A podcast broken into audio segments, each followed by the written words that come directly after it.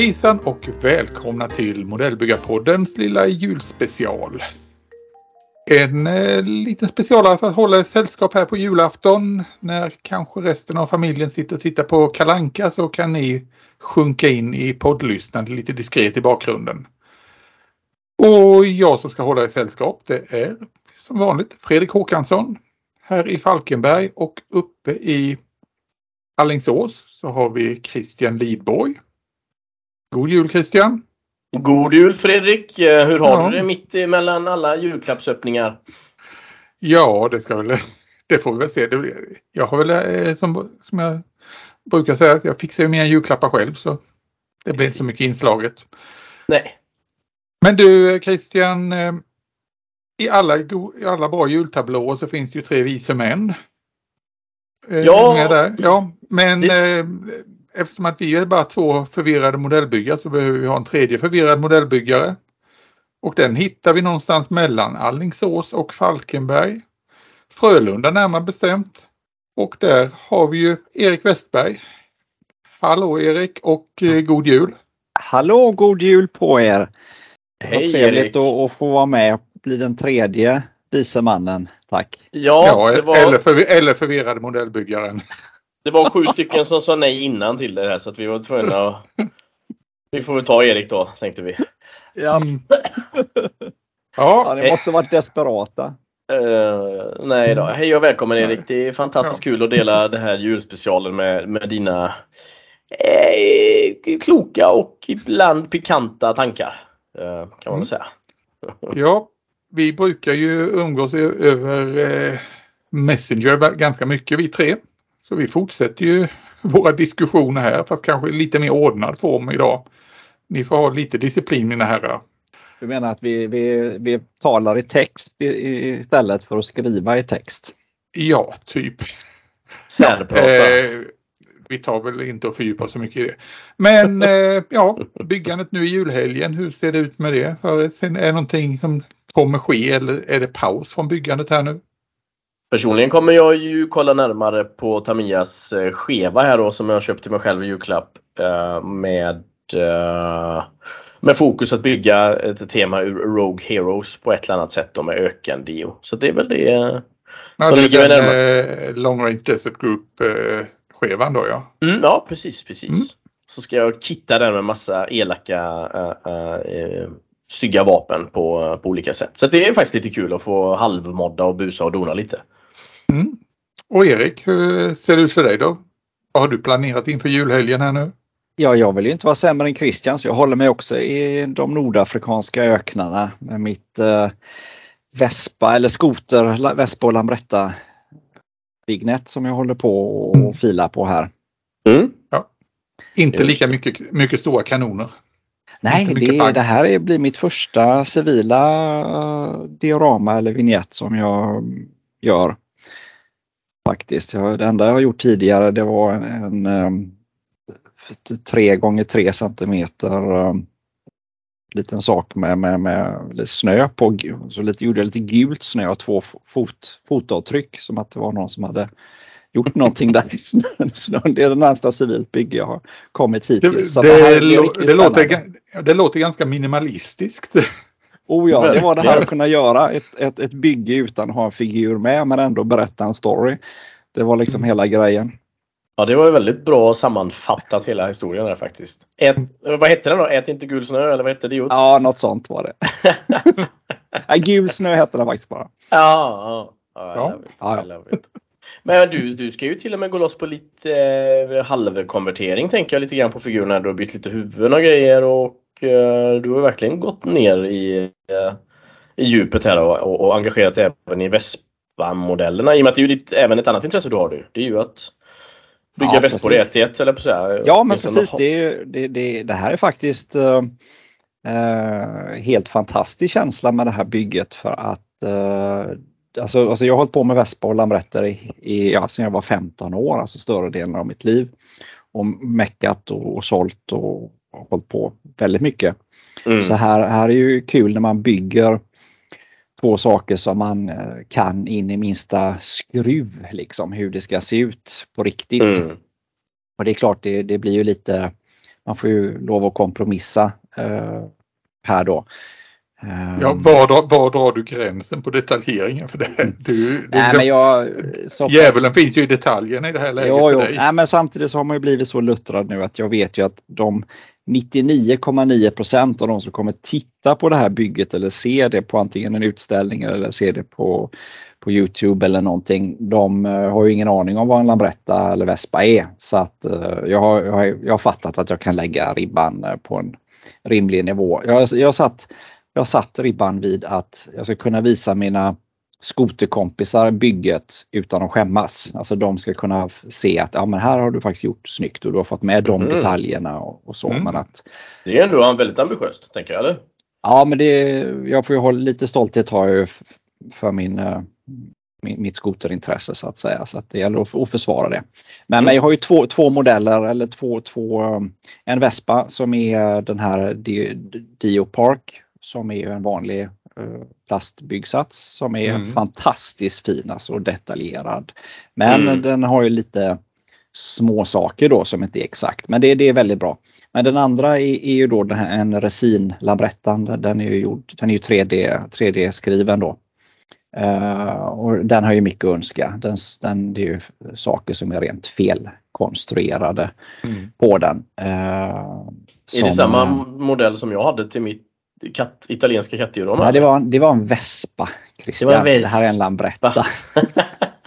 Christian, nu tillhör du helt plötsligt de där 99 procenten. Ja, ja, det är samma, det är samma till, tillverkare är det. Ja, okay, okay. Nej, men här lambrettan, den sa, det, en lambretta, det är så att Vespa har ju en framgaffel som är bara på ena sidan om hjulet. Alltså den mm. har en enkel sving så att säga. Men en Labretta har ju dubbla gaffelben som precis som de flesta andra motorcyklar. Men, mm. men när de gjort den här 3D printingen så har de bara gjort ett gaffelben precis som på en Vespa så den saknar ena gaffelbenet. Och det är lite okay. jobbigt att scratcha det. Så, men som tur är så kommer jag då ha styret vridet åt ena, ena sidan då och den andra sidan skyms av byggnaden så att eh, jag kommer ja. se till att placera den så att jag inte behöver scratchbygga det här andra ja. gaffelbenet då för det. Nej, just det. Ja. Och de 99,9 andra hade ju inte vetat ens om detta. Så att, men jag förstår nej, nej. din tanke. Ja. Det är ju för att kunna känna den stoltheten du besitter, det förstår jag. Jo, men, jo, jo men precis. Men det är jättekul som sagt att hålla på med någonting som man verkligen, det är första gången jag jag menar, håller man på med någon annan byggsats eller någonting så från andra världskriget så har jag faktiskt aldrig stått och skruvat med en sån själv och synat den mer än man har sett dokumentärer och man har varit på arsenalen och sett vissa av de här i verkligheten. Men mm. det är en mm. jätteskillnad i hur man upplever det. Så det är fantastiskt roligt verkligen. Mm. Ja, hur har året annars varit Erik? Vi sågs ju senast i podden i somras. Ja, precis. Ja. Men hur, hur, ja, hur har byggår varit nu efter pandemi och allting? Nej, men det har varit eh, Det har varit ganska bra egentligen, får jag väl säga. Eh, det var väl ett tag där jag hade en, en eh, liten svacka kanske, men eh, nu under hösten. Det brukar bli så för mig att sommar, då är det mycket med, med familj och semester och, och är det fint väder så gör man annat. Så att då brukar det faktiskt inte hända så mycket. Men nu då, är det, då, är det mycket mer, då är det mycket mer Vespa alltså på sommaren? Ja, då kör vi Vespa och träffas och, och gås med vänner och så här. Så att, men nu under hösten så har det Nej, jag tycker jag har varit ganska produktiv och, och hållit på mycket. Framförallt, jag har liksom inte slutfört någonting men jag har startat många projekt och och kommit ganska långt med många och sen så startar man ett nytt projekt och håller på lite. Och så jag, eh, det här med jag har beställt en hel del 3D-printade figurer. Eh, jag, ja, det är ju först i år som jag har köpt hem sådana. Det är lite riddare och lite gott och blandat som jag har testat med bara för det var intressant att se hur de här, eh, vad det är för kvalitet på, på sakerna. Mm. Så att, ja men ja, det var väl inne i en liten test, testperiod helt enkelt. Mm. Ja, du har verkligen eh, varit utanför boxen så att säga med, när det gäller ämnen. Som sagt, riddare, amerikanska inbördeskriget och ja, en hel del ja. olika grejer. Ja, men hur, vad, vad, vad, är känslan nu av de här 3D-printade grejerna jämfört med då gamla, ja, på att säga, gamla resinfigurer och injektionsgjutna? Mm.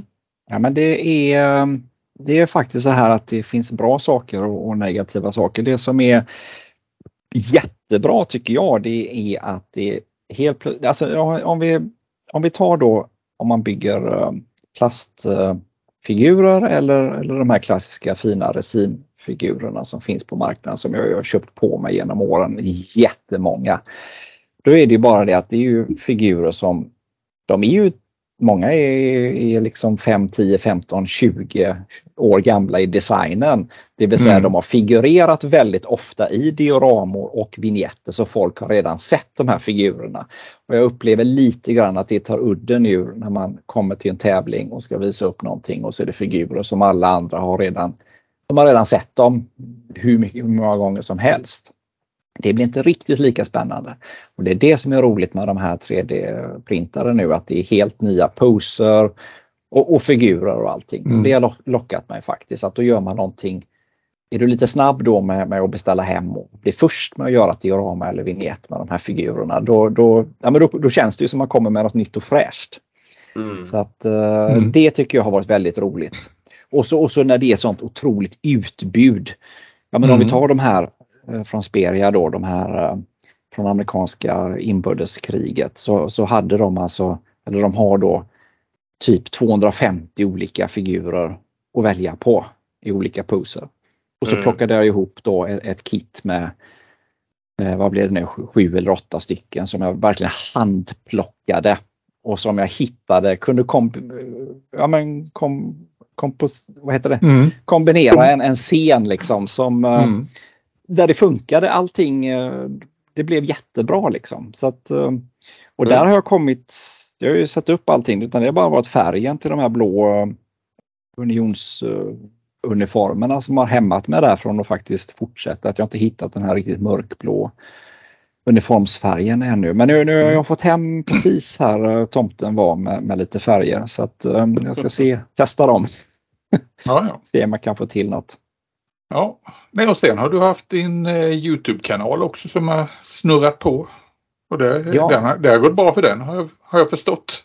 Ja, jag har väl eh, jag har gjort några filmer under året. Eh, jag tycker kanske ibland att det är så oproduktiv men, men summerar man ett år så blir det ett antal filmer.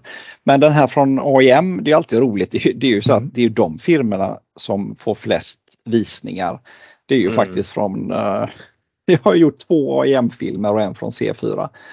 Och, och, den här den förra från AIM då 2019 den, ja, den är väl uppe i över en halv miljon visningar och den här nu från senaste AIM den är passerad över 200 000 visningar här nu i, för en vecka sedan. Liksom. Alltså. Ja, det var väl... Så det är rätt häftigt. Sen de här vanliga filmerna man gör men när man har gjort ett 72-diorama eller någonting, de ligger på 3-4 tusen visningar. Mm.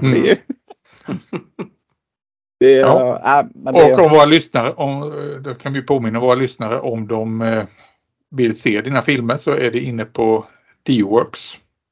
D-Work. D-Work. D-Work. Googla bara på det på Youtube ja. eller sök det på Youtube, D-Work. Mm. Så... Då, hittar ni, då hittar ni Erik där. Hittar ni, japp. Ja. Ja, så det, ja, men då är, det känns ju skönt att det har varit ett bra modellbyggarår för dig. Absolut, men nu, nu eh, kom vi inte så långt så jag fick diskutera kvaliteten på de här 3D-printade Nej, just det. det då återgår, då, men då återgår vi till det. ja, Nej, men det, det, roliga är ju som sagt var det är ju det här att man kan hitta väldigt mycket kombinationer med, med framförallt stridsscener eh, med de här figurerna, både amerikanska inbördeskriget och riddare och allt möjligt. Och även andra världskriget. Då. Eh, men där har jag ju märkt nu tyvärr, baksidan med myntet, det är ju att eh, jag vet inte vad det kallas, men de här olika printlagren som, ja. som blir när man bygger upp en, eh, ett objekt eller en figur. Mm. Att de eh, syns ju mycket, mycket mer än vad jag trodde. För det syns ju inte när du ser dem på, på bild. På, så ser du inte det, men när du väl har dem och håller och tittar på dem så syns de kanske inte riktigt heller. Men när du lagt på första laget grundfärg, primer, mm. jäklar vad, de, eh, vad det kommer fram. Det är inte överallt men men på, på framförallt lite större släta ytor som jag har, jag har köpt några hästar då med, med ryttare på. Ryttarna är hur bra som helst men just hästarna, sidorna på hästarna mm.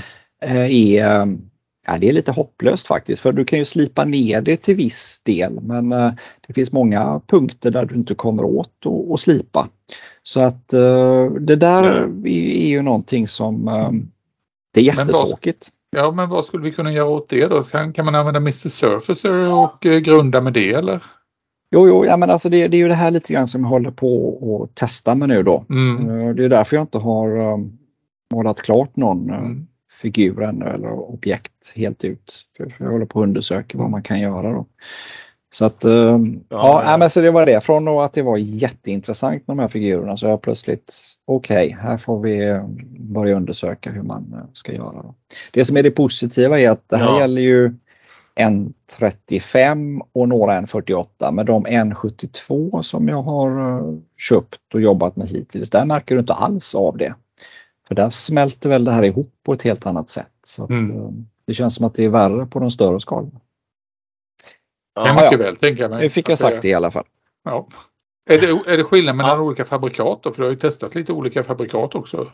Ja, jag har bara köpt. Eller du har bara köpt? Äh, ja, ja. det var förutom den här Lambrettan då. Där var ju samma mm. sak med de här lagren. Mm. Annars är det bara från Speria som jag har mm. äh, köpt. Men, men Speria använder ju sen olika de köper ju så att säga originalen kommer ju från olika ställen. Det är ja, olika designers. Så där återstår det väl att se lite grann om det skiljer i kvalitet mellan de här olika eh, mm. firmorna som har gjort originalen då. Ja. Men jag helst. Min, min Vespa var lite sisådär också faktiskt när jag väl skulle, och som du säger, det är ju först när man lägger på första lagret. Och det är klart att det finns, på en sån maskin kanske det är lättare att bara lägga på fler lager eller Surfacer och sådär. Men på en figur mm. med detaljer, en liten liten knapp som man... Och halva anledningen att man ändå har 3D det är ju för att man vill kunna få fram vissa detaljer som man kanske inte kan få fram annars liksom. Mm. Just med den här 3D-printningen. Så det, jag kan hålla med om att det är en liten, liten, liten, liten utmaning. Men det är klart, skrivarna blir ju bättre och bättre och eh, kraven ökar väl mer och mer också. Tänker jag. Mm. Så att, det, det, är väl så här Det är väl en liten barnsjukdom. Jo men precis. Nej, men sen tror jag det är så här att när, när man väl har målat och gjort figurerna och fina målat mm. och satt dem på en uh, diorama eller någonting så här och man ser mm. helheten och man är på en utställning så tror jag faktiskt inte att ögat kommer se det här direkt. Men utan det avslöjas ju egentligen först när man fotograferar och, och tar bilder, närgångna bilder mm. på, på objekten och lägger upp på sin hemsida eller någonting. Liksom. Det är då som problemet uppstår. Jag tror på en utställning och så så tänker man nog inte riktigt på det. Men, men när man fotograferar, det, det är då det syns verkligen. Ja. Så att eh, en liten heder faktiskt till alla gamla klassiska resinfigurer och plastfigurer att de uh, still going strong på ett sätt faktiskt. Ja. Jag, jag har ju några av eh, sådana här 3D-printade figurer, bland annat av mig själv då, i skala 1 på 20. Och där upplever jag inte den här grejen, men det, det kanske är det att jag är så rynkig så att jag... Jag skulle säga att det är väldigt, äh, väldigt runda ytor på vissa ställen, så det är väl det. Nej men det är som mm. sagt var alltså på, på figurerna märks det faktiskt inte så himla mm. mycket utan det är större ytor som de här hästarna och sidokåporna på Lambrettan mm. till exempel. Där märks det mer. Och, ja, men om du tar som riddare då, om du har en stor mantel så att säga. Ja. Va? Så där börjar det ju synas men på, på armar och ben och så så har det inte varit jättefarligt. Nej. Men eh, ja, det finns men eh, mm. vi får återkomma till det ärendet. Ja. Då tänkte jag fråga liksom, under det här gångna året. Eh, vad har ni upplevt för eh, vad är de största skrällarna på marknaden när det gäller nya modeller? Vad, vad, vad, tar, vad är det vi kommer minnas ifrån det här året när det gäller modeller? Både när det gäller marknaden och för er personliga, vad är det eh, personliga modellupplevelser? Vad, vad tar ni med er? Vad, vad, kommer, vad kommer 2022 minnas för när det gäller modeller? Oj, jag får nog ja. ur, ett, ur ett pansarperspektiv får jag väl då kanske på något sätt säga Amusings eh, stridsvagn 104. Får jag väl ändå säga att den, den var, det blev någon form av milstolpe där. Även om eh, eh, modellen som sådan kanske hade en del att önska och det var även en del felaktigheter i den. Eh, så är det rätt stort. Men, men jag, jag, kan också ändå få den här lite den här känslan av att vi har, jag har ju sagt det hundra gånger innan att vi lever i en guldera när det gäller mm. nya släpp, alla dess former. Eh, och, och, och i, i Sverige då kan man väl kanske nästan känna att det är så den här klassiska utmaningen att har vi tillräckligt med byggare som som kan tänka sig köpa de här, den här fantastiska mm. Mängden nya kit som kommer. Och det är klart att det, finns ju länder som driver den här klart hela Asien och England och allt sånt är gigantiska marknader och USA liksom. Men det, det känns som att det kommer fler sjukt bra släpp än vad det finns köpare till dem. Mm. Det kanske är lite det jag mm, tar med mig. Låter det apokalyptiskt, eller på säga? Nej, men det, jag får lite känslan att du, du syftar på att liksom, ja, nu börjar man bli lite desperat. Vad ska vi hitta på för någonting eh, unikt den här gången? Nej, det var nog inte så jag tänkte, men det är också en mm. spännande infallsvinkel mm. faktiskt. Det har du helt rätt i. Att, och det är klart att nu har ju, nu släppte ju exempelvis, eh, har ju annonserat, Tamiya har ju annonserat att de ska släppa en Jagdpanzer 470 då med Alkett-överbyggnaden, den som kallas för Swishen Lösung. Eh, och samtidigt så ska Border släppa en sån exakt samtidigt. Uh, och det är klart, det var ju länge, det är ju bara Dragon som har gjort en bra sån uh, mm. och den gjorde de ju tidigt 90-tal. Så det är klart, den har ju behövts. Uh, men, men ja, undrar så här, har de haft en diskussion innan då eller jobbar någon på, på båda ställena? Och så vidare. Och så, vidare. så, så det känns ju som att man verkligen försöker hitta saker att göra som du säger för att upprätthålla liksom, någon form av mm. något sug liksom, hos kunderna. Mm. Ja, det var bara en liten ja. Eh, reflektion. Ja. Erik, vad tänker du? Nej, men för mig så är det ju det här med 3D-printade figurer som är det nya eh, som jag har upptäckt eh, eller som också är, ganska nytt på marknaden så att säga som, som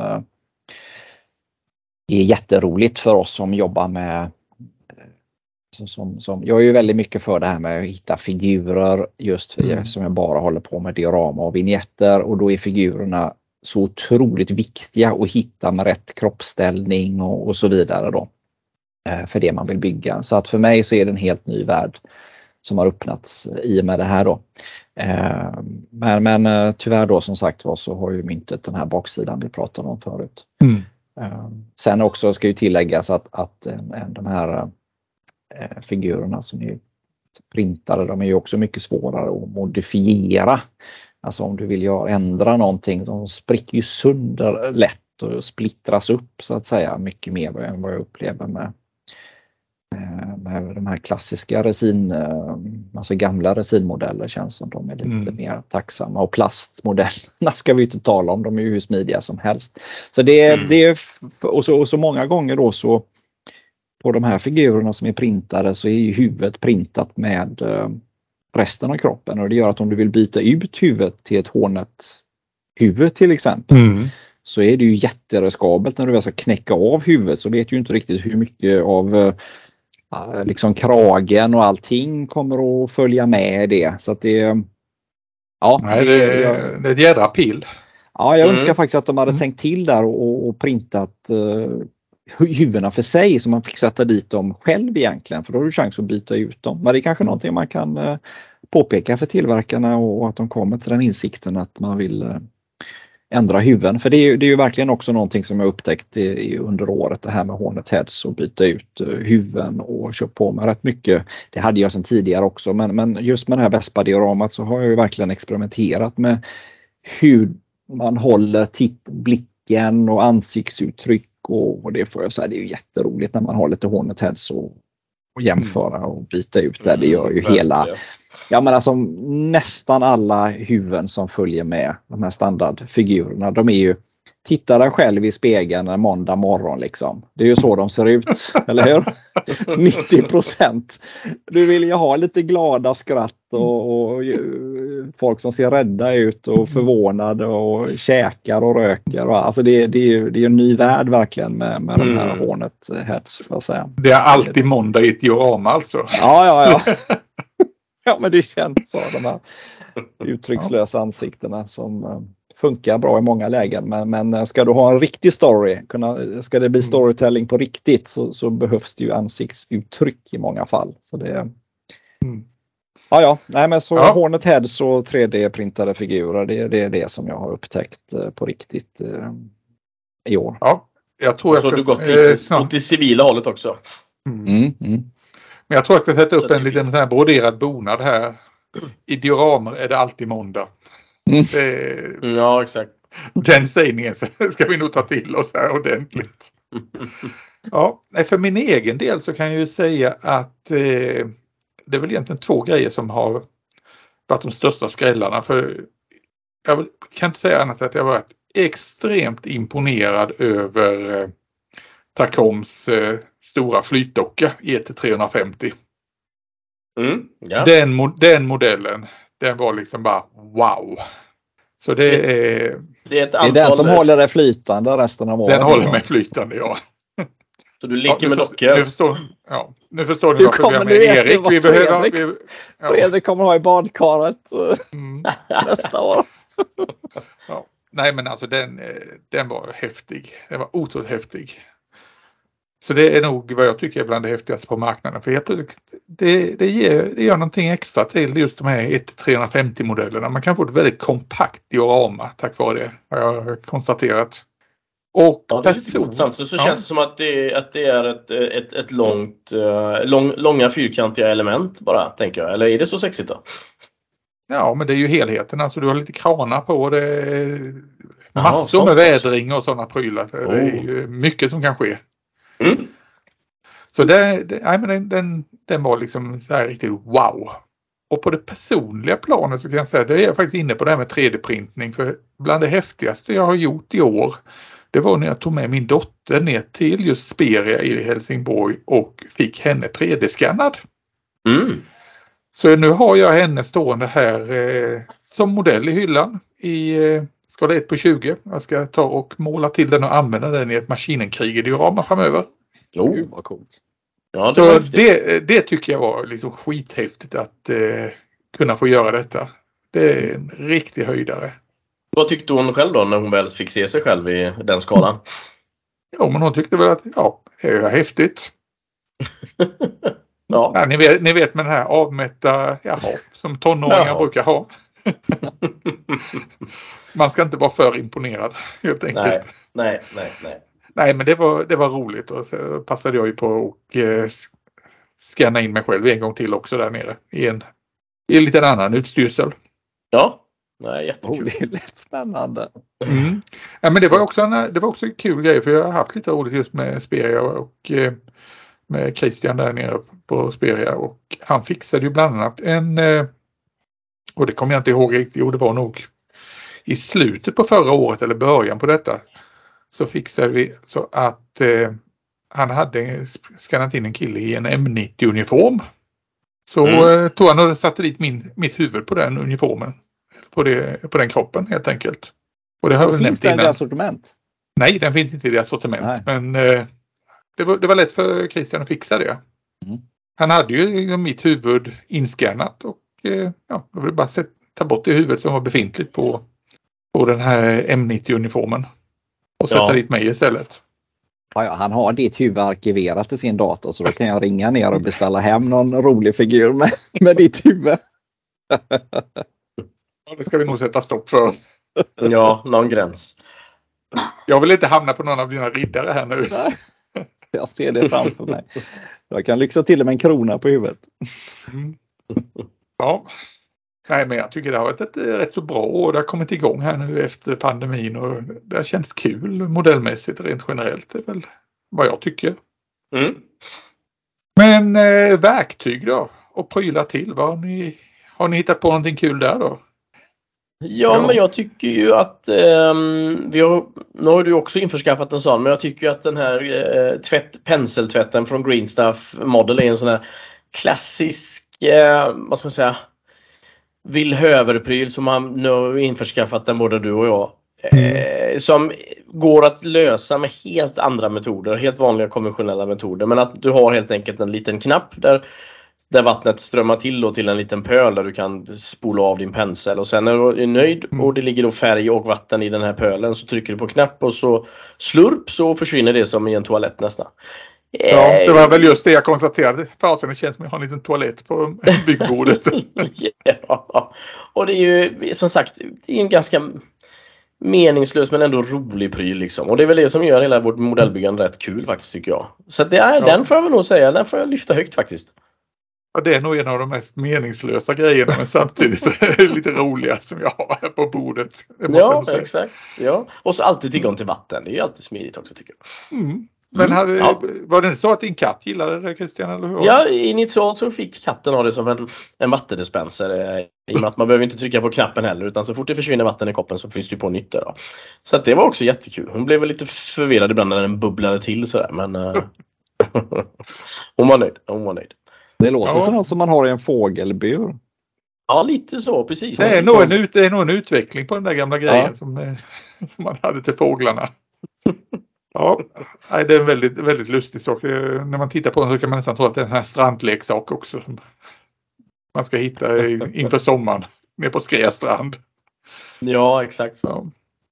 Ja, Erik, hur har du haft det då? Har du hittat ja, ja, något riktigt är, roligt? Ja, jag är glad om jag köper en ny skalpell. Jag är mer på den nivån. uh, nej, jag, jag uh, fortsätter väl och mer bara köpa införskaffar basic eh, verktyg egentligen. Ja, det är klart man har mycket och så men eh, Nej men bara finverktyg liksom. Att, höja eh, kvaliteten menar du? Ja lite grann bredda den och höja kvaliteten lite grann. Jag har suktat länge mm. på den här Tamayas eh, tång. Jag har ju en eh, hygglig från, från Faller som den kostade kanske 200 mm. kronor men eh, mm. snart Kanske det, ja, titta där redan. Uh, snart kanske det dimper ner en sån här i, i en försenad uh, jul, julklapp från tomten. Ja, mm. en, en sån måste man ha. Alltså det, jag, jag, vet inte varför den är i en helt annan klass än andra sådana här sidobitar men det, det, är någonting speciellt med den. Mm. Det, det, är en märklig grej det som är så fa fantastiskt är att jag har så mycket kvar att uppleva. Det, det jätt, känns jätteroligt. Mm. Jag menar ni är på den nivån när ni måste köpa en meningslös plastleksak. jag, jag har liksom fortfarande Tamaya sidobitar kvar framför mig. Jag ser fram emot. ja. ja, du kommer till meningslösa plastleksaker så småningom Erik. Det oroar dig ja. inte. Ja, det ska väl alla den vägen vandra. Ja. Nej, för mig var ju, har väl den riktiga höjden under året, det har ju varit den här laserskäraren. Som, eh, ja, jäklar vilken rolig pryl. Och det är väl, eh, ja, det är ganska avancerade grejer men alltså det är ju en game changer verkligen. Precis som det här med 3D-skrivare och sånt, det är en game changer. Och en laserskärare, herregud, ja det vet ju Erik för du har ju fått en hel del av produktionen mm. som jag har suttit ja, ja, men det, det är ju helt otroligt det är det som du gör Fredrik. Alltså det, det, är ju, nej, men det är ju precis, det är ju till och med det är som det man köper uh, från firmorna bara det att det är ett snäpp bättre därför någon har gjort det med, med riktig kärlek och verkligen uh, kunnat lägga tid på det och, och göra. Så det, är ju, det ska bli väldigt roligt att, att göra, arbeta med de här testen som jag har fått. Ja, men det är som du säger, liksom, jag, jag tittade ju på, nu har vi det vi pratar om här om ni undrar ni som lyssnar, så är det att jag har använt min laserskärare till att eh, göra pappersväxter.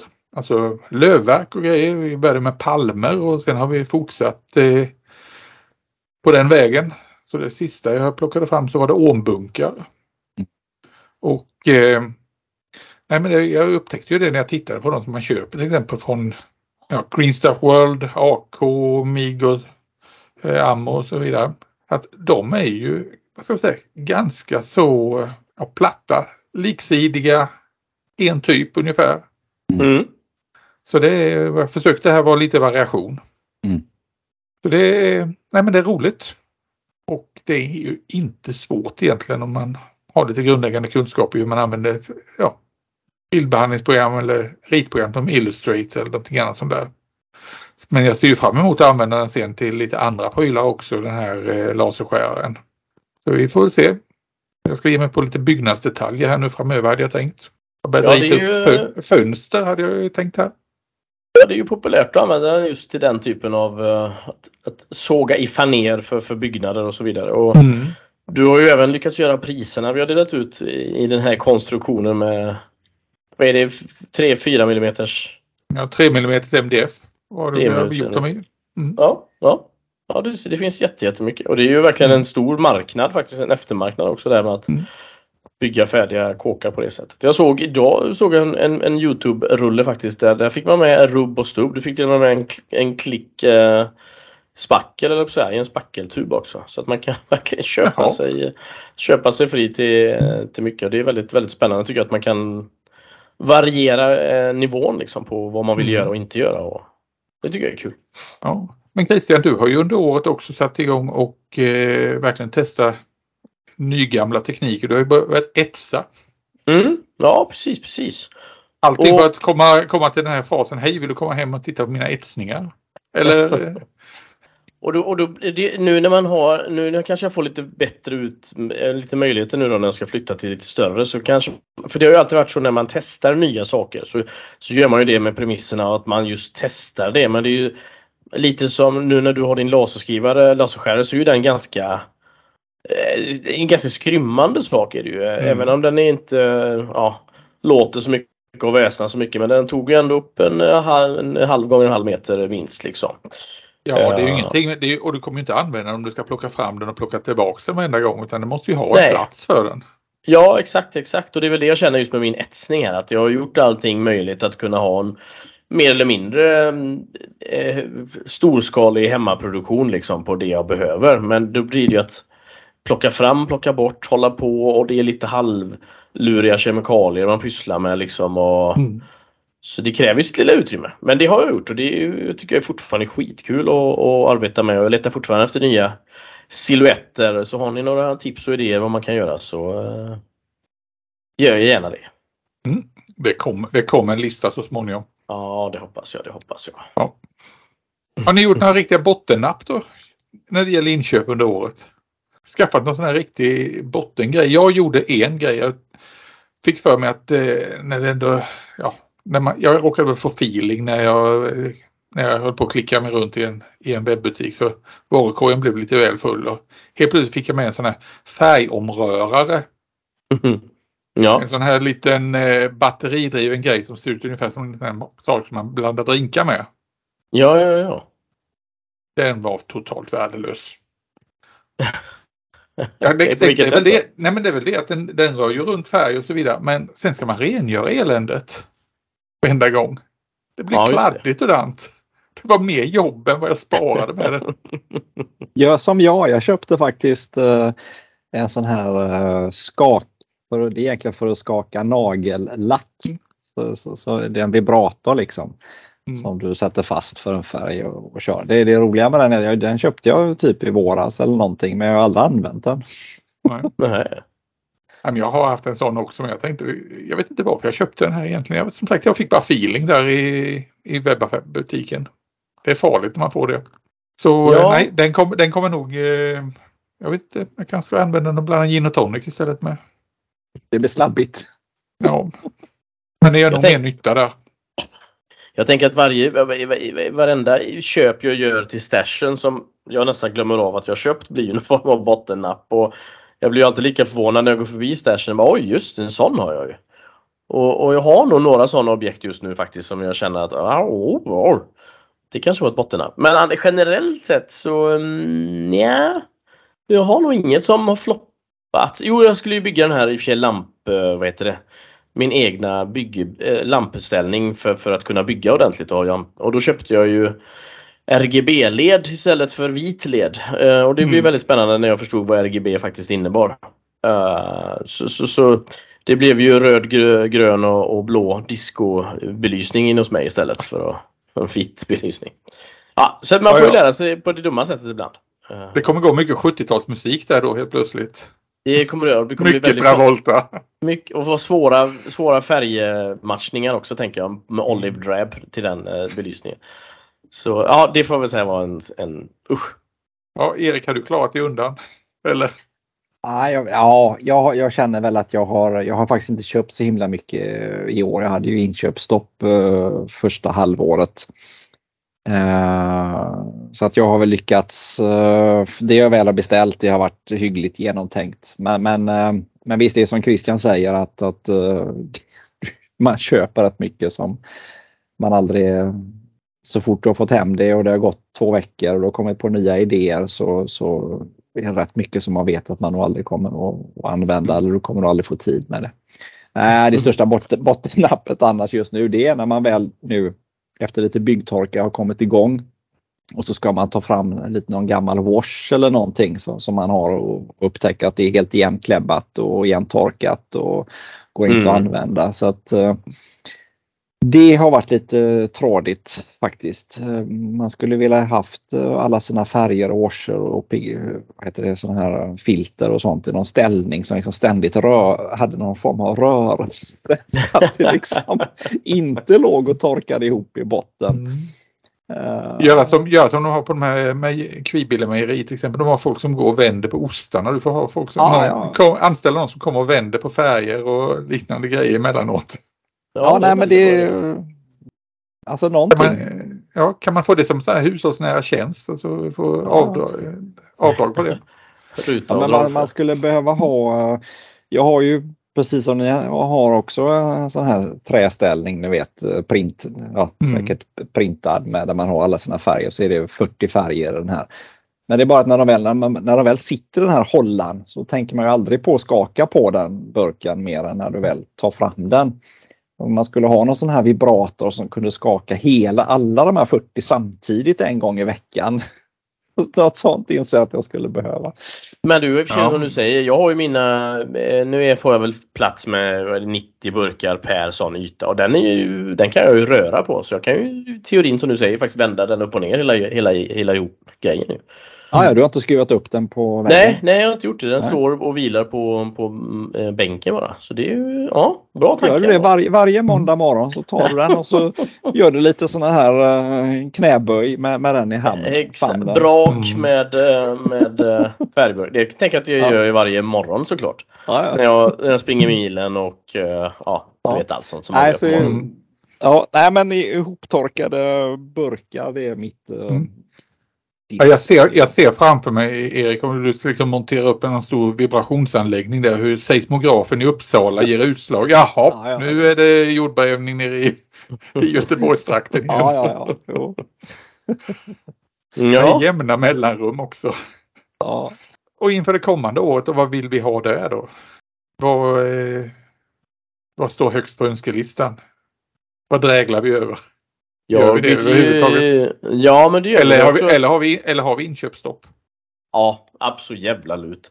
Nej, men jag, jag, jag dreglar nog över min, eh, min egna eh, vad ska man säga, förmåga att avsluta projekt liksom och komma i mål. Och, och, eh, och det, jag tampas verkligen med att, att ta det här steget att avsluta någonting hellre än att jag ska tycka att jag inte har gjort det lika bra som min hjärna först tänkte. Om ni förstår vad jag menar. Låter det mm. jättekonstigt? Att hellre att faktiskt göra klart någonting då än, att, än att jag känner att ah, men ja, det, jag ska nog planera lite till. Uh. Och, ja, det, det kanske är någonting mer för 2023 då. Om man ska börja nästan prata om nyårslöften eller inte. Men, men när det gäller nya inköp och så, så har jag ju jättesvårt att se att det skulle vara någonting i injektionsgjuten plast som skulle kunna få igång mig faktiskt. Få, uh, låter tragiskt kanske. Ja, men vi har den där 8,8 eh, centimeters granaten i alla fall Christian. Som, ja, den det är faktiskt Den är 1 på 1. Det är den och så ska jag faktiskt bygga, så ska jag bygga också ankare, två stycken ankare ska jag faktiskt göra 2023. Mm. Det är tur att det här finns inspelat nu det du säger Christian. För att, ja, ska vi, kan vi lyssna på det i april och se vad som har kommit ner i stashen. Jajamän, jajamän. Ja, Huga ligger. Det kommer. Det kommer, det kommer. Jag är ju sån här svår junkie på eh, Copper State Models, eh, deras modeller. Jag tänkte, det... kan inte du bygga loss lite på dem nu i 2023? Ja, det, ju... det, det, det, ska jag göra. Och sen så såg jag att nu kommer nästa pansarbil de släpper blir ju en, en eh, Garford. Eh, Garford Putilov, en eh, extremt höll på att säga, ful historia från första världskriget. Mm. Men eh, väldigt intressant och jag har alltid gillat den. Det är konstigt att man dras till de här extremt underliga maskinerna. Men den här Garford Putilov eh, pansarbilen den är så, nej, det, det, är så fräckt att den kommer nu i 1 på 35. Så det, det ser jag ju fram emot och eh, att då få lägga en preorder på den och få med liksom allt det extra preorder godiset också. Ja, just det. det. Ändå så tycker jag att du, du har ju i princip alla Copstate Model bilar nu eller? Är det... Japp, det har jag. det var fint om du börjar bygga dem lite nu också tycker jag. Nu är du väldigt duktig på att bygga eh, dina saker va? som du köper. Så, så jag ska inte säga något. Bygga dem också? Nej. Fredrik är samlare. Du samlar, ja. Det är helt Nej, för, för guds skull. Det är väl det jag inte vill vara egentligen. Jag vill bygga dem. Mm. Men sen har man ju sett så jädra snygga byggen på, av de här när vi har varit ute på tävlingar och utställningar man ser på nätet så jag får ju mindervärdeskomplex där alltså herregud, tänk om jag misslyckas.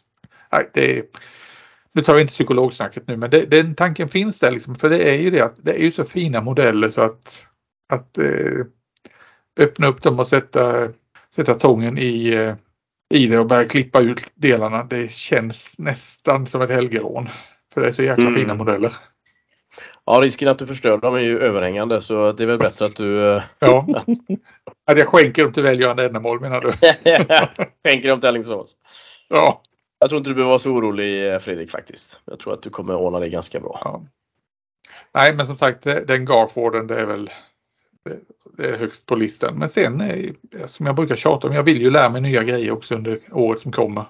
Mm. Jag, vill, jag vill lära mig bygga bilar bland annat. Det är ju ja, en sån här ja. höjdare. Du får jobba på Volvo då. ja, visst. Nej, det var inte riktigt. Det var nog i mindre skala jag tänkte. Ja, mm. men det är lite grann som vi skrev om häromdagen där när jag kom med ett påstående att man eh, när man väl har byggt ihop en modell oavsett vad det är och så när du ska vädra, måla och vädra så, så använder du ett och samma recept löpande hela tiden. Mm. Och det har jag noterat på vissa Youtube-kanaler att man gärna gör det.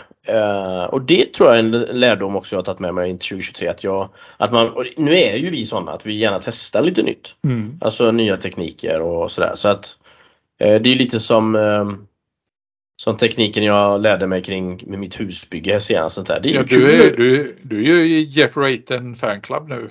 Ja verkligen, verkligen. Vi ligger faktiskt och småskriver lite på kvällarna här också jag och han. Så att nu är vi polare från förr. Eh, nej men mm. det är ju verkligen oerhört kul att få lite nya infallsvinklar och, och, och samtidigt såklart att, att shipping och så vidare, liksom, hur, hur många olika sätt kan man göra det på och sådär. Ja. Men eh, att hela tiden hitta nya vägar för att göra det ännu roligare. Och så, för annars så känns det som att man bara producerar på en fabrik liksom, tänker jag. När man gör mm. samma, samma, samma, samma, samma, samma. Det är ju inte så sexigt. Ja, ja det var bara en passus. Mm. Erik, hur, hur tänker du inför... Är det någonting du vill ha från tomten? Ja, det är jättemycket. Eller det är du, det är du som är tomten? nej då. Mm, ja. Nej men, äh, nej men äh, om vi tittar på framåt här på 2023 framförallt så ähm, lite, lite, lite bättre verktyg och äh, lite mer äh, bas, baser som huvuden och händer och, och sånt här. Det är ju det man vill hade velat ha framförallt. Mm. Ja, du ska ju också få till en ny eh, arbetsplats. Precis som mm. Christian här under året mm. som kommer. Mm. Nej, men så jag har faktiskt beställt uh, uh, nya sådana här skärmattor i A2. Har jag beställt. Uh, ett, ett, gäng faktiskt för att kunna lägga ut på min arbetsyta där. Ja. Att, mm. bara en sån sak med nya fräscha skärmattor är ju fantastiskt. Det känns Verkligen. Mm ta Maja sidobitare på det så är det ju... Så är sen, är du, sen är du lycklig hela veckan. ja. Så kan du gå i pension sen med gott samvete. Ja, ja, oh ja. ja. Okej mina herrar, nu ska vi faktiskt bryta med en helt annan aktivitet. Nu ska mm -hmm. ni mhm. få en liten quiz här. Nu ska vi ha jullekar. Woho! Juhu!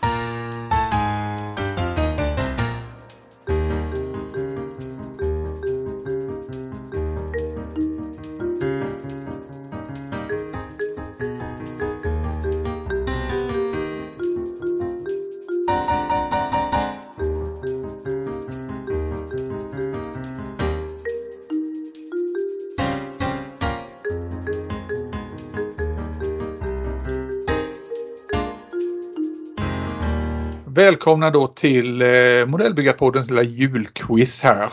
För att se om ni eh, hänger med i modellbygget helt enkelt. Och eh, som ni eh, säkert kan se bakom mig när vi sitter här i vår sändning så brukar det, så har det i alla fall sedan i våras hängt en liten plakett. Eller rätt sagt den har hängt sedan i efter sommaren. Mm. Med eh, Best in Show-priset från eh, 08 Open. Mm. Och eh, det har ju delats ut under perioden 1980 till 2022. Och på denna finns det 41 stycken namn. Mitt namn finns med där en gång. Oh. Men då är ju frågan vems namn finns flest gånger på den här plaketten och nu gäller det att ni svarar så snabbt och så rätt som möjligt här. Vem har vunnit Best in Show flest gånger? Är det Peter Halvar, Per-Olof Lund, Marcus Eriksson eller Magnus Fagerberg? Oj, vad det Oj. Vi svarade ja, fel båda två för rätt var ja. Per-Olof Lund. Per-Olof Lund är det som har flest inteckningar. Han har tre inteckningar faktiskt på 08 Open. Det var fantastiskt. Ja. ja. Magnus, eh, Marcus Eriksson och Magnus Fagerberg har en var. Ah. Ja, min röst gick på ja. Fagerberg där men det sket sig. Mm. Nåväl. Eh, men nu har ni börjat komma in i och fatta konceptet va? Ja. Mm. Mm. Då ska vi ta nästa lilla grej. Det finns enligt väldigt många en eh, färgnyans som är absolut nödvändig när det gäller eh, Tamiyas eh, akrylfärger. Och det är buff. Vilken är färgkoden på buff? Ska vi se. Är det XF1, XF22, XF57 eller XF62? Mm. Har man så lång betänketid alltså det står 10 ja, bilar räknar ner? Ja, det räknar ner. Snabba ryck. Här är jag väldigt snabb på mitt svar. Du får inte hinna googla här nu. Det är inte det som du ska... jag, svarar, jag svarar fel. Nej men. Ni svarar fel bägge två. Det är varken ja. XF22 för XF22 det är RLM grå. Och 62 det är Olive Drab. Men det är XF57 som är buff. Jag får skylla på att jag inte är någon Tamiya färgkille då. Jag är bara glad att jag är med i matchen än så länge. ja, men varför är, den, varför är den så användbar den här färgen? Ja, det är ju i, i vädringssyfte. Den kan du lägga på i princip allting för att få ett eh, vad ska jag säga, mm få ihop grejer helt enkelt. ja. Mm. Okej, okay, då tar vi fortfarande 0-0 mellan er. Då tar vi nästa. Ja. Vilket av följande företag skapade den första riktiga plastmodellen? Åh oh, herregud. Oj, oj, oj. Var det Airfix, Frog, Revel eller Aurora? Vem skapade den första riktiga plastmodellen? Mm. Ja, men... Ja, men Ja, men vad, vad, ja, nej, men, du får skaffa nya modellvänner, det här går ju inte. Ja, Christian, har du inte lyssnat på podden? Alltså, nej, det var inte ja. Airfix och det var inte Aurora, det var Frog. 1935, Frog Penguin skapade en modell i, av en Gloster Gladiator. Ja, okej. Okay. Ja, ja. ja. Sure, sure. Ja. Underbart. Nej, men ni, ni ska nog komma igång här. Hur många frågor är det? Tre av tolv ser jag nu. Mm. Ni har fortfarande chans att komma in i matchen. Ja, 0-0 kan det ju bli. Ja. ja, vi får se. Vi får se. Jag kanske, jag kanske drar in era julklappar om ni håller på så här. Ja, det förtjänar ja. vi verkligen inte. Ja. Nej, men eh, då tar vi fråga fyra. Och eh, den gula boken Modellbygge. Eh, den gavs ut av förlaget Forum. Mm. Och det var en svensk översättning av den engelska boken The Model Makers Handbook. Och det är ju en riktigt så klassiker den här boken Modellbygge. Det var en bibel för många av oss som är lite äldre modellbyggare. Och då är frågan vilket år kom den första svenska utgåvan ut? Mm. Ja. Var det 1973, 1983, 1993 eller 2003? Här kom den här klassiska boken Modellbygge ut. Rumpa, jag har ju den i, i ehm, i bokhyllan, det har jag ju. Tyvärr lite långt ifrån, men jag... Ja, men ja. titta! Ni hade rätt bägge två. 1983. Ja. Och det var verkligen årets julklapp för mig det året. Ja, var det så? Ja, alltså den eh, jag läste, jag läste den från pärm till pärm under julhelgen, under, jul, under jullovet där. Ja. Och det var en ögonöppnare utan like. Det var liksom wow! Ja, du måste kommit ut som en ny modellbyggare. Efter Men jullovet. vi ska se. Det var Christian som var 811 har Christian och Aha, Erik. man får poäng för hur snabbt man Ja, det, mm. just det. Ja, men för hel... Mm. In, in, inte svära i public uh, radio här nu. Okej, okay, men nu, nu, är ni, nu är ni igång i matchen i alla fall här. Jajamän, jajamän. Mm. Och då kommer nästa fråga. Vilket av följande japanska bolag har inte gjort plastmodeller? Är det Ari, Sanwa, Nissin eller Nitto? Vilka är inte plastmodellstillverkare? ja, vi, var, vi svarar samma, samma fel. ja. Nitto. Du hade Ja. liksom, Nitto svarade ni bägge två. Nej, Nitto var de som gjorde alla gamla maskinenkriger från början. Ja. Så nu, nu förelämpar ni mig djupt här höll jag på att säga. Jaha, förlåt. Det här är ju rena grekiskan för mig. Mm. Sanva, de är mest kända för att göra radiostyrningar men de har också gjort plastmodeller. Mm. Ari är ett gammalt företag som inte finns längre men de gjorde massa eh, Gundam och grejer. Och Nissin gör nudlar. Nämen. Ha. Ja, köper du snabbnudlar så står det Nissin på dem. Om det nu inte står Eldorado visserligen. Nej, okej. Okay. Du hade lika gärna kunnat skriva vad Samsung, eh, Toyota eller Mazda där. Hade jag... Mm. Ja, ja. sagt. Christian leder fortfarande. Woho! Men då tar vi en liten räkneövning. Hur många millimeter motsvarar en meter i skala 1 till 35?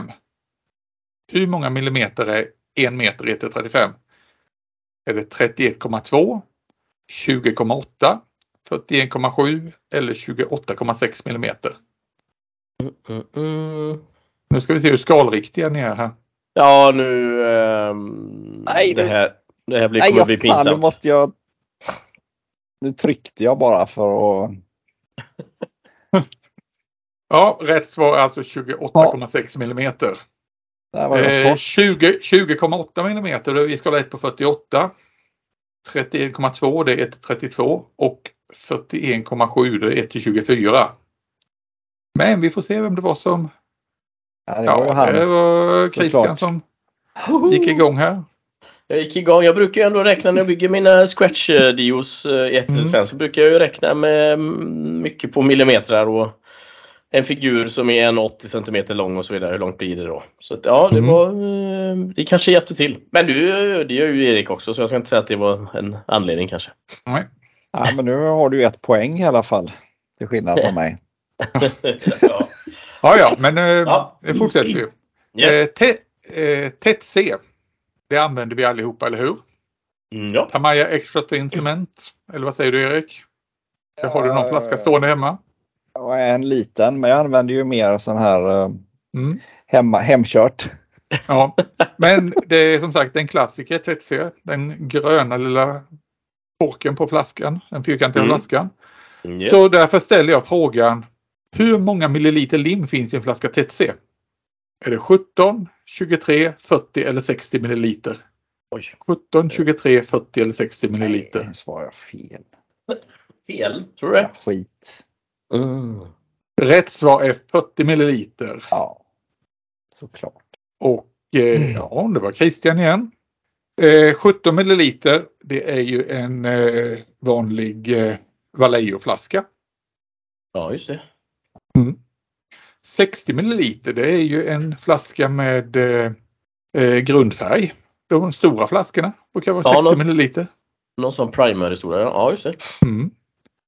Och 23 milliliter det är en eh, stor burk eh, Tamiya eh, akrylfärg. En ja, den klass burk. Ja, den klassiska. Ja. Den är 23 milliliter. Mm -hmm, mm -hmm. Spännande. Mm. Hur stora brukar dina groggar vara Erik? De brukar vara är det en tätt C-storlek eller är det primer-storlek? Ja, jag kör aldrig mer än primer. Eller mindre än primer. Nej. Nej, exakt. Det är ju en grundare. Okay. Sen går man ja. på det andra. Du, jaha, du grundar, du grundar. Ja, jag grundar med den. Ja. ja. ja men då har vi en ny ja. definition på att man vi ska alltså inte gå till baren och beställa en fyra utan vi ska gå in och, och beställa en tätt C. Ja. Bra idé. Ja, ja. Ja, spännande. spännande. Ja, Kom igen nu, mot, nu kör vi. Mot, mot fråga 8 alltså. Eh, 1973 gav eh, Tamiya ut sin första plastmodell av en Hanomag 251. Eh, 1. En, eh, det var en, alltså en 251 slash 1 i skala 1 till 35. Mm. Men det finns fyra modeller av det här fordonet i verkligheten. Så vilken av de här modellerna återger den klassiska Tamiya-byggsatsen? Är det en modell A, en AUF A, en AUF B, en AUF C eller en AUF D? En A, B, C eller D-variant.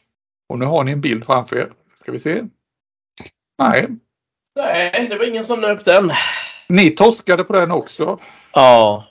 Mm. Det var en av, bra en av er trodde det var en B-variant och en en D-varianten. Vem, ja. vem tryckte på D-varianten? Det var kanske jag va? Nej, jag var inte dum nog att svara det. Nej, de har Tamiya har faktiskt gjort en D-variant. Det var den, den senare varianten de kom ut och D-varianten är den som har helt täckta sidor med lådor längs hela sidorna. Mm. Eh, det var en C-variant alltså som man gav ut och det märks på fronten på den. Där den har den här eh, framåtlutade sexkantiga plåten. Just det. A-variant, uh... A-varianten hade små sådana här eh, luckor på eh, passagerarutrymmet som man kunde titta mm. ut. Någon siktluckor. B-varianten hade inte det men annars var den exakt som A-varianten. Men C-varianten, inga luckor och en platt front. Jag får nog lägga in mitt veto där och säga att, uh, att det är en, uh, inte var en C-variant. Men vi får ta det efteråt. Mm. Mm, ja, ja, som en liten passus. Jag, jag, jag har kollat det på Scalemates. Okej. Okay. Men vi kan slåss om det emellan då. Ja, det kan, det kan vi göra. Absolut. Ja, ja. Mm. Nåväl. Det är som VM-finalen i fotboll här nu. Med, jag ligger under här nu men vi går in i slutfasen så jag hoppas ju på att få in två snabba här nu på slutet. Mm. Kanske det blir straffar här, vem vet? Mm. Ja. ja, men den här, den här fixar du Erik. Eh, ja, hur många timmar och minuter utgör de 45 avsnitt av Modellbyggarpodden som finns när vi spelar in det här avsnittet? 52 timmar, 14 minuter, 25 timmar, 36 minuter, 46 timmar, 22 minuter eller 38 timmar och 53 minuter. Har vi lite ja. fusk här nu med att... Ja, det kanske var lite ja, jag, okay. jag, eh, den, den, Åtminstone 80 procent av första avsnitten vi gjorde var i alla fall under en timme. Eh, kan mm. man säga. Det är den sista tiden vi har släbat lite. Ja, ja, men ja, ni, kan väl ge var... mig, ni kan väl ge mig lite cred i alla fall att jag satt och räknade igenom allt det här. Ja, det är jättebra.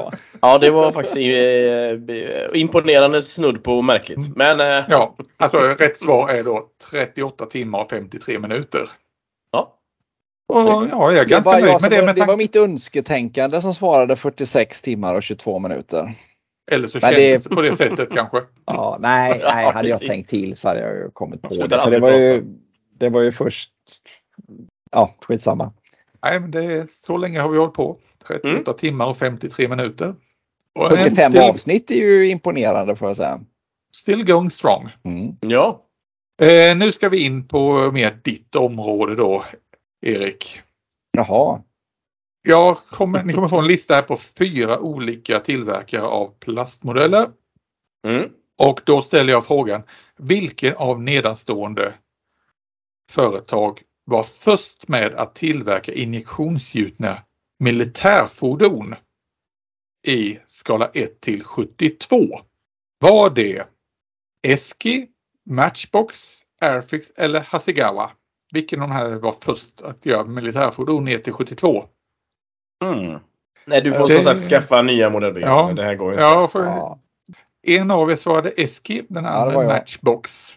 Ja, du var ja, nästan på, på gränsen där Erik.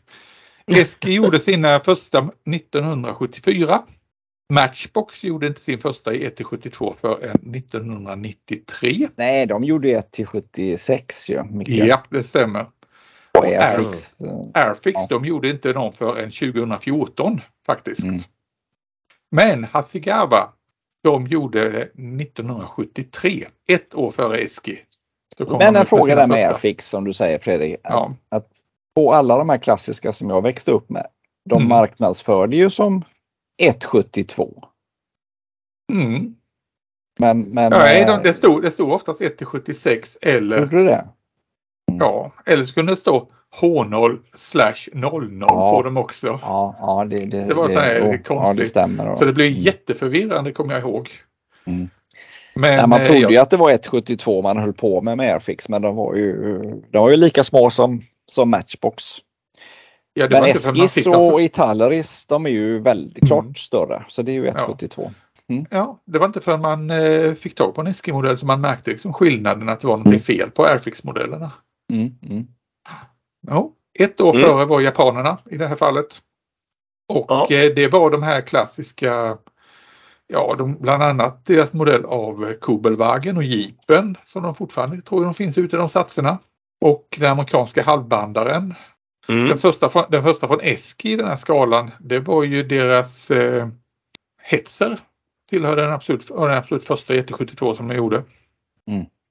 Men det är lite sant också egentligen för det är ju Italari som gjorde formarna till det. Mm. Till Eski. Ja. Nåväl, nu, Nåväl. nu höll ni på att få igång mig där igen. Mm. Ja, det är ja. sånt som händer. Sånt som händer. Mm. Näst sista frågan här nu.